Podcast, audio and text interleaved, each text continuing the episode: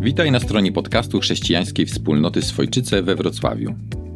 Każde rozważanie, jakie tu zamieszczamy, jest zainspirowane Pismem Świętym, które, jak pisze apostoł Paweł, jest pożyteczne do nauki, do wykazywania błędu, do poprawy, do wychowywania w sprawiedliwości, aby człowiek Boży był w pełni gotowy, wyposażony do wszelkiego dobrego dzieła. Wierzymy, że rozważanie, które za chwilę usłyszysz, wniesie w Twoje życie trwałą, pozytywną zmianę. O co się modlimy? Zapraszamy.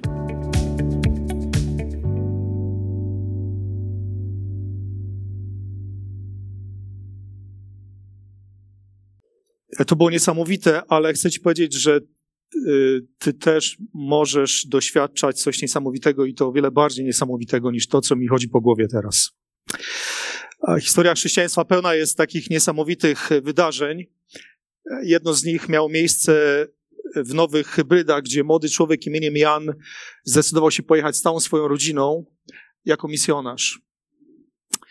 Niełatwe miejsce, można powiedzieć miejsce, które było tak naprawdę wrogie wobec chrześcijaństwa, bo, bo plemię, które zamieszkiwało tą część Nowych Hybryd, którą Jan odwiedził, było w zupełnie innym miejscu swojego życia niż Jan. E, Jan spotkał się nie tylko z taką niechęcią, ale też nawet z ogromną opozycją. Do takiego stopnia, że pewnego, pewnej nocy rozwścieczony tłum sąsiadów otoczył dom misjonarza z zamiarem spalenia jego wraz z całą jego rodziną. E, Jan jedyną rzeczą, którą mógł zrobić i którą zrobił, to, to padł na kolana ze swoją żoną i ze swoimi małymi dziećmi i zaczęli się modlić.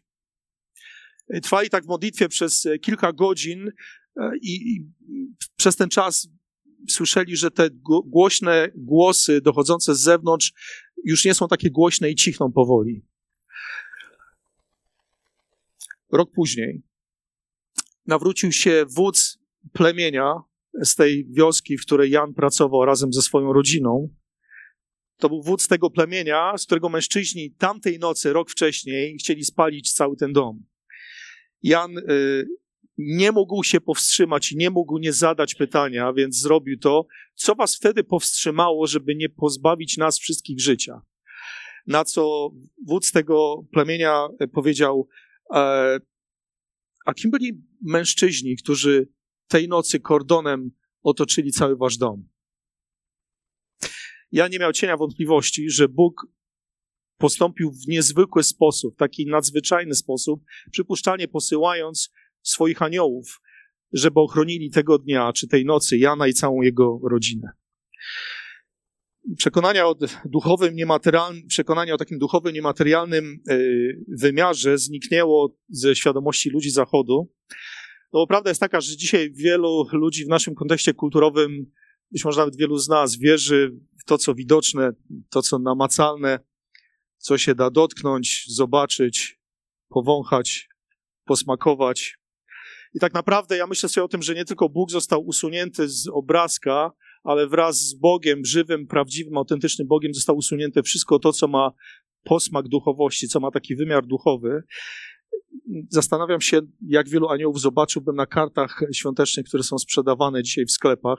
Może są, a jeśli tak, no to, to gdzieś tam może zostali na kartkach świątecznych coraz mniej w świadomości ludzkiej.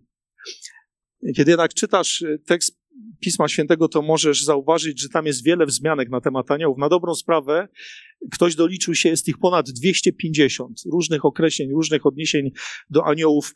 Y, y, to właśnie z Bożego Słowa. Możemy dowiedzieć się, że aniołowie są stworzonymi przez Boga istotami duchowymi, że podobnie jak my mogą mieć ciała, E, że posiadają intelekt, posiadają emocje, tak jak my, posiadają wolę, e, posiadają inteligencję, posiadają moralną wrażliwość. Jest ich całe mnóstwo, czytamy o niezliczonej rzeszy aniołów i tak można by sprowadzić ich funkcjonowanie do jednego zadania. Wiemy, dowiadujemy się, że oni przebywają w Bożej obecności i że ich zadaniem jest chwalić Boga, oddawać cześć wyjątkowemu Bogu i co jakiś czas ten wyjątkowy, żywy, prawdziwy Bóg ingeruje w życie tego świata posyłając aniołów, przeznaczając ich do specjalnego zadania. Chciałbym przenieść się na ciebie i siebie na chwilę oczyma naszej wyobraźni do 2000 lat wstecz i, i postaram się powiesić twojej e, e, powiesić, zawiesić swoją wyobraźnię na pewnej scenie. To jest wyimaginowana scena. Wyobraź sobie dwie postaci rozmawiające ze sobą. Te dwie postaci to właśnie aniołowie, zawieszeni gdzieś bezkresnej przestrzeni, otoczeni miliardami gwiazd i ciał niebieskich. Ci dwaj utkwili swój wzrok na jednym maleńkim punkcie i rozmawiają z sobą. Tym jednym maleńkim punkcikiem, na którym utkwili swój wzrok, jest, jest nasza planeta Ziemia. Przypatrują się z odległości tej, e, tej mało znaczącej planecie, tej niewielkiej planecie i prowadzą ze sobą dialog, ale to jest nietypowy dialog, bo jeden z nich pyta się, jak to jest możliwe? Ten drugi odpowiada, nie wiem, zupełnie tego nie pojmuję. Ten pierwszy mówi, jak to jest możliwe, żeby nasz Pan chwały, potężny król, jedyny Bóg, chwała Jemu niech będzie na wieki, jak to jest możliwe, że On zdecydował się przyjść właśnie w to jedno miejsce? Ten, który stworzył cały wszechświat, dzięki któremu wszystkie planety funkcjonują, cały, całe spektrum, cały zastęp ciał niebieskich, ten, który jest początkiem i końcem wszystkiego, który jest twórcą, zdecydował się przyjść właśnie na to jedno miejsce. Jak to jest możliwe, że my jesteśmy w obecności tego Boga, któremu oddajemy ciągle chwałę, jesteśmy Jego stworzeniem, a, a tam są ludzie, którzy też są Jego stworzeniem, którzy jednak inaczej funkcjonują, którzy się gdzieś zagubili. Tam jest tyle zła, nienawiści, wrogości, smutku, łez, bólu, rozpaczy, przemocy, a jednak on zdecydował się tam pójść. Opuścił swój tron, włożył na siebie ciało małego dziecka i zamieszkał pośród tych wszystkich ludzi. Ludzi, którzy nie traktują go jak króla. Ignorują go, nie widzą jego piękna, nie widzą jego wielkości. Wydaje im się, że mogą żyć bez niego. E, ten pierwszy mówi: Nie wiem. Wiem, że to zrobił z miłości do nich, ale muszę przyznać, że nie rozumiem tego. To moja wyobraźnia. Ta historia to moja wyobraźnia. Nie wiemy, czy taka rozmowa kiedykolwiek miała miejsce e, między dwoma aniołami. Może tak, może nie. Ale wiesz, potrafię sobie wyobrazić tą rozmowę, ponieważ kiedy czytam Boże Słowo, to dowiaduję się, że jest w nim coś takiego, co wskazuje na to, że to, co Bóg dał Tobie i mi, jest czymś, czego aniołowie nie rozumieją. I pierwszy Piotra, pierwszy rozdział lista apostoła Piotra, dwunasty werset jest przykładem tego. Piotr pisze tak, w te sprawy, ma na myśli zbawienie, w te sprawy związane z naszym zbawieniem, z naszym ratunkiem, pragną wejrzeć sami aniołowie. Kiedy przeczytałem ten tekst, musiałem sobie wejrzeć, wejrzeć. Zacząłem trochę szperać, zacząłem porównywać różne przekłady, lubię to robić. I, i sięgnąłem, lubię, do, e, lubię parafrazy, i sięgnąłem do parafrazy Słowo Życia, e, które oddaje to trochę inaczej. Mówi tak, jest to tak dziwne, mówiąc o tym zbawieniu, jest to tak dziwne i tak wspaniałe, to, czyli to zbawienie, że nawet aniołowie chcieliby to zrozumieć. Nie rozumieją tego. Eugene Peterson w swoim przekładzie, w swojej parafrazie, no świetnej notabene parafrazie Nowego Testamentu, tak to oddaje. Aniołowie oddaliby wszystko, żeby móc wziąć w tym udział.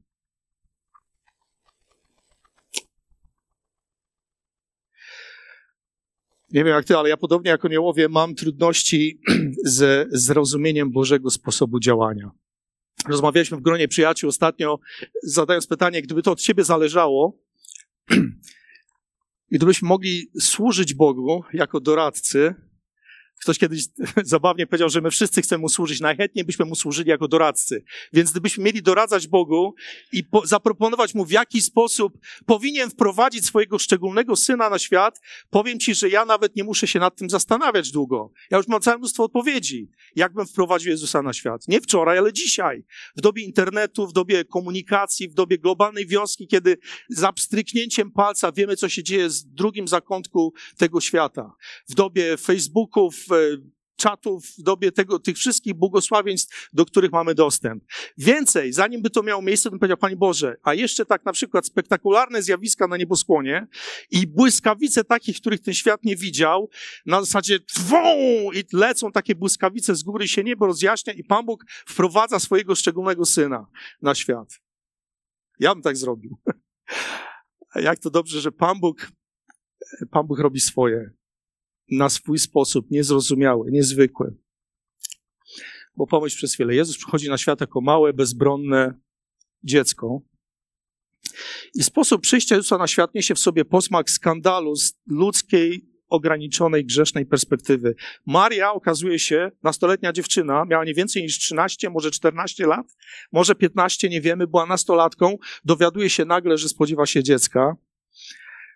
Rodzi się król, dla którego nie ma miejsca w gospodzie, król, dla którego tronem staje się obskurny żłób, król, którego owija się w Nasz przykład to daje pieluszki. To jest takie fajne, romantyczne słowo, że Maria owinęła Jezusa w pieluszki. Ja przez wiele lat myślałem, że takie, takie bejbiniowskie, pachnące pieluszki. No, no nie. To są czyste pieluszki, mam na myśli, bejbiniowskie. E, pachnące. Nie. To są po prostu, e, to są szmatki, szmaty, które były pod ręką. Cokolwiek było pod ręką, Maria wzięła, żeby owinąć to dziecko. I myślę sobie o tym, że to zdarzenie, które wstrząsnęło światem, które podzieliło historię na dwoje, które, które nawet wpłynęło na podział naszego kalendarza, miało miejsce pośród zwierząt w nic nieznaczonym, nieznaczącym, prostym, obskurnym miejscu, bez kamer, bez błysku aparatów fotograficznych, bez tłumu reporterów, bez gwardii żołnierzy, bez osobistej ochrony, bez wyszkolonej ekipy pielęg położnych, pielęgniarek, lekarzy, nawet bez kobiet, innych kobiet, które mogłyby pomóc tej biednej 14, 12, 13, 14 latce. Natomiast złego, jedynymi świadkami narodzin Jezusa byli, no i znowu, wiecie, ja przez lata myślałem pastuszkowie pastuszkowie. Jedynymi świadkami narodzin Jezusa byli pasterze, czyli taka grupa wątp ludzi wątpliwej reputacji, to jest tak delikatnie powiedziane. Ludzie, których generalnie społeczeństwo postrzegało jako ludzi bardzo bezbożnych. Do takiego stopnia, że jak była opinia, że oni mieli bardzo lepkie ręce, że im się rzeczy do rąk kleiły szybko i sprawnie i gładko. Szczególnie owca z innego stada bardzo łatwo mogła się przykleić, przykolegować się do ich stada. To byli ludzie, którym tak naprawdę nie ufano, ludzie, który, którzy, którym nie pozwalano zeznawać w sądzie, ponieważ ich świadectwo nie było wiarygodne. Ich styl życia był daleki od ogólnie przyjętych takich dobrosąsiedzkich, moralnych norm.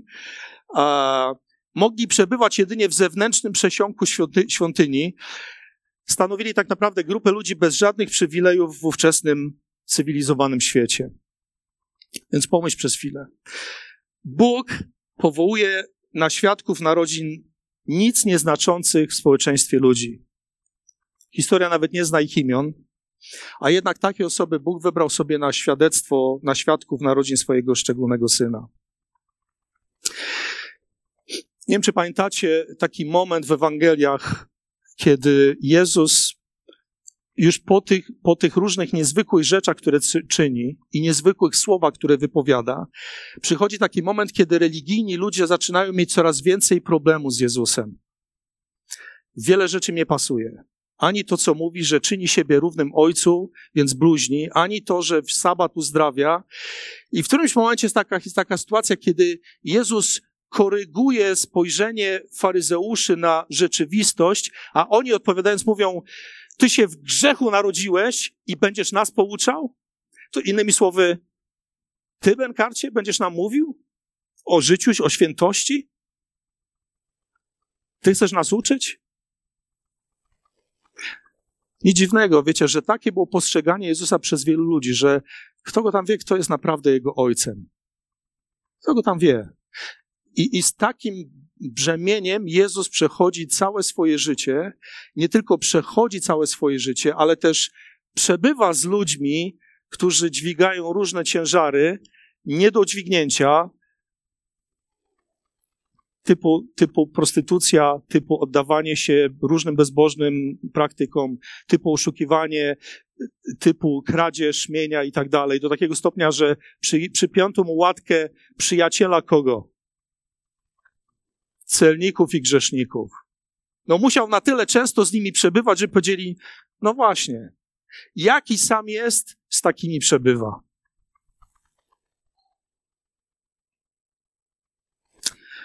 Słyszeliście dzisiaj wcześniej ten tekst, powtórzę go jeszcze raz. Izajasz, prorok Izajasz mówi, to są Boże słowa, które Izajasz wplótł w swoją księgę. Bóg mówi, moje myśli nie są waszymi myślami. Moje drogi nie są waszymi drogami. Tak jak niebo jest oddalone od ziemi, tak moje drogi są wyższe niż wasze myśli i moje, moje drogi są wyższe niż wasze drogi i moje myśli wyższe niż wasze myśli. Więc jeżeli w czymkolwiek, kochani, przejawia się najbardziej sens słów proroka Izajasza, to bez wątpienia ma to miejsce już począwszy od narodzin Chrystusa.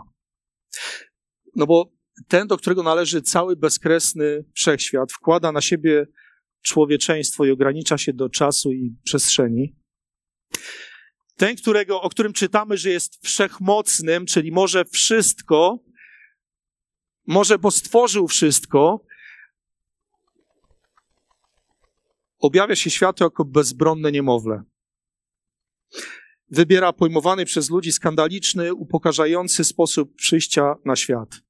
W ubóstwie, z dala od wielkich tego świata, zupełnie tak, jakby chciał się uwolnić od ludzkiego pojęcia wielkości, sławy, potęgi, chwały.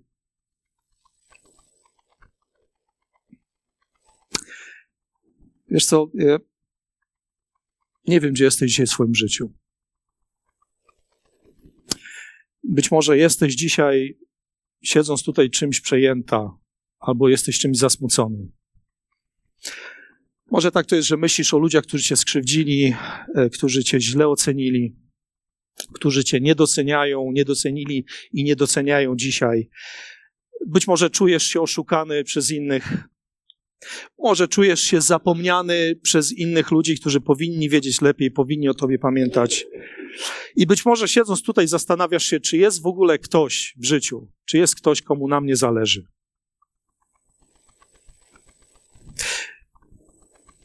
Święta Bożego Narodzenia są takim okresem, w którym odpowiedź na te i inne pytania jest bardziej wyrazista niż kiedykolwiek indziej. Bóg w osobie Jezusa daje ci odpowiedź. Bo kiedy myślisz o tym, czego nie masz, o życiowych wyzwaniach, o porażkach, o samotności, być może o tragedii, która dotknęła ciebie i twoich bliskich, to Bożą odpowiedzią jest Boży Syn, Zbawiciel świata, Król Królów, i Pan Panów. Ten, który dorastał w ubóstwie, który zniósł utrapienia, udręki, kpiny, drwiny. Król, który jednak kocha Ciebie tak jak nikt inny. Mówiłem ostatnio paru osobom o tym. Wiesz co? Tak naprawdę, kiedy się przyglądam życiu Jezusa, począwszy od Jego narodzin, przez całe Jego życie, aż po ukrzyżowanie i, i, i śledzę wszystkie te emocje, które towarzyszyły, czy mogły towarzyszyć Jezusowi, to myślę sobie o tym, że nie ma takiej osoby, która mogłaby dzisiaj powiedzieć, kurczę, ale ty, ty w ogóle nie wiesz, o czym, o czym mówisz. Ty nie wiesz, na czym polega życie. Ty nie wiesz, czym ja się zmagam. Ty w ogóle nie rozumiesz tego, przez co ja przechodzę. Powiem ci, on wie. Nie ma takiej emocji, której Jezus nie byłby w stanie doświadczyć. Nie ma takiej rzeczy, której Jezus nie doświadczył z jednym tylko wyjątkiem z wyjątkiem grzechu. On doświadczył odrzucenia, on doświadczył zniewagi, on doświadczył oszustwa, on doświadczył wszelkiego rodzaju przykrości. Wszystko to, czego my doświadczamy na ziemi, Jezus to doświadczył i nawet więcej. To jest król, który przyszedł, by się z Tobą zaprzyjaźnić, żeby stać się Twoim przyjacielem, by dać Tobie i mi, każdemu z nas nowe życie. Zresztą sam o tym powiedział: Przyszedłem, aby dać Wam życie i to życie w obfitości. To znaczy życie, które jest pełne, które jest sensowne. Życie, kiedy ty możesz powiedzieć, ja wiem, kim jestem dzięki Jezusowi, ja wiem, dokąd zmierzam. To jest król, który nie tylko przyszedł po to, żeby się z tobą zaprzyjaźnić, ale ponad wszystko przyszedł, żeby ciebie uratować. W Ewangelii Łukasza czytamy w drugim rozdziale, dziś w mieście Dawida narodził się wam Zbawiciel. czyli ten, który daje ratunek, który daje wybawienie, który, który pomaga, wyciąga potrzebujących grzeszników z niewoli, z bagna grzechu, a takimi jesteśmy my wszyscy. Nie jesteśmy w stanie w żaden sposób zasłużyć sobie na zbawienie. Ale ponieważ Bóg kocha nas tak jak nikt inny, to On dał nam to, co ma najlepszego. Dał nam to, czego potrzebowaliśmy. Dał nam szczególny dar, prezent, jaki jest On sam, jako wcielony Syn Boży. Ciekawe, bo ten tekst, który przeczytałem z pierwszego Piotra, zachęcam was, abyście w domu sobie przeczytali, bo wcześniej jest mowa o tym, mowa o prorokach, którzy w dziesiątym wersecie jedenastym, którzy mając Bożego Ducha Świętego zapowiadali cierpienia i chwałę Chrystusa, ale nie rozumieli tego do końca, nie wiedzieli jak i kiedy to wszystko się stanie. I czytamy, Piotr mówi o tym, że oni poszukiwali i dowiadywali się, albo w niektórych przykładach jest mowa, że zadawali wie, wiele pytań. Można by to, o czym Piotr mówi, sparafrazować, pilnie badali, albo, albo można wyobrazić sobie tych proroków, którzy wyciągali szyję, wyciągali się jak struna, żeby móc zrozumieć tak naprawdę, o co chodzi z tym zbawieniem i kiedy nastąpi ten moment, kiedy nastąpi ten moment uwolnienia nas i nowego życia, które Bóg obiecuje. Prorocy wyciągali szyję, żeby to zrozumieć. Aniołowie kręcili z niedowierzaniem głowami, drapiąc się po swoich anielskich głowach. Nie wiem jak ty, ale ja, podobnie jak aniołowie, mam problemy ze zrozumieniem Bożego sposobu działania. No bo ten, który siedział na tronie, zszedł z tego tronu dla ciebie i dla mnie. Zastępy niebieskie służyły mu, ale on przyszedł, aby służyć tobie i mi, każdemu z nas. Ten, który jest dawcą życia, sam oddał swoje życie w ofierze za ciebie i za mnie. Jeżeli to nie jest wystarczającym dowodem Bożej łaski, Bożej troski, Bożej miłości do ciebie, to co jest? Boże Narodzenie można by symbolicznie porównać do otwartych drzwi, które, przez które możesz wejść w każdej chwili. Nawet teraz. Tak jak to powiedział pewien szkocki kaznodzieja, którego bardzo lubię, a przynajmniej to jest zdanie, które powiedział, nie tylko to, wiele innych. Jeżeli nie potrafisz być wdzięczny, to jest przynajmniej jedna rzecz, pozwól, że ci zasugeruję, za którą możesz być wdzięczny Bogu, chociażby to, że tylko ty i Bóg wiecie o tobie wszystko. I Bóg, wiedząc o tobie wszystko, dalej z ciebie i ze mnie nie rezygnuje, ale ciągle zabiega. Nie zaczaskuje tych drzwi, nie mówi koniec, czas się skończył, przykro mi. Ciągle otwarte drzwi i ciągle zachęca cię, zaprasza, żebyś przez te przysłowiowe drzwi wszedł do nowego życia, które on, on przyszedł, które on przyszedł dać, które przyniósł we własnej osobie.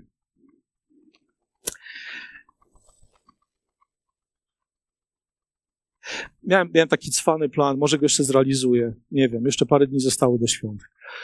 E, zawsze staram się takie nietypowe życzenia wysyłać ludziom na święta. E, myśląc o tych różnych, wie, wiecie, wesołych świąt i szczęśliwego nowego roku i tak dalej, no bo to jest takie dosyć popularne. Myślałem o tym, żeby być może zachęcić ludzi w taki sposób, że nawet jeśli, nawet jeśli tego roku zabraknie czegoś, nawet gdyby, gdyby tak się zdarzyło, że ten rok będzie tak wyjątkowym, że nie będzie choinki, nie będzie prezentów, nie będzie suto zastawionego stołu, nie, nie będzie tej wspaniałej otoczki, nie będzie rodziny razem. Nawet gdyby to wszystko, gdyby to wszystko zabrać, to dalej zostaje ci jeszcze wszystko. A tym wszystkim jest właśnie istota świąt, czyli osoba Jezusa. Ja, ja czasami ludziom życzę wszystkiego Bożego dla ciebie. To, to jest to, co Bóg chciałby, żebyśmy doświadczali wszystkiego Bożego od Niego, najlepszego. Wszystkiego najlepszego Bożego. Ale początek tego doświadczenia zaczyna się właśnie z, bierze swój początek w Chrystusie, który się ogołocił ze wszystkiego. Dosłownie ze wszystkiego był posłuszny swoim Ojcu przez całe życie, aż do śmierci i to śmierci krzyżowej. Wrócę na moment do rozmowy, już na koniec rozmowy dwóch aniołów, którzy zastanawiają się nad istotą zbawienia i do końca tego nie rozumieją. Nie są w stanie, bo to są ci aniołowie, którzy są święci, którzy są Bożej obecności, którzy nigdy nie zgrzeszyli, którzy nie wiedzą, co to grzech. Grzech jest dla nich totalną abstrakcją. Jak można zgrzeszyć w ogóle? Czym jest grzech? Co to, czym jest doświadczanie grzechu i, i później doświadczanie zbawienia? Nie wiedzą. Ale też sami aniołowie niezliczona rzesza aniołów, całe ich zastępy, które są w Bożej obecności. Jest taki moment, kiedy czytamy w Bożym Słowie, że aniołowie się radują, że oni się cieszą, że oni wiwatują. Wiecie, jaki to jest moment? To nie jest pytanie retoryczne. Jaki to jest moment?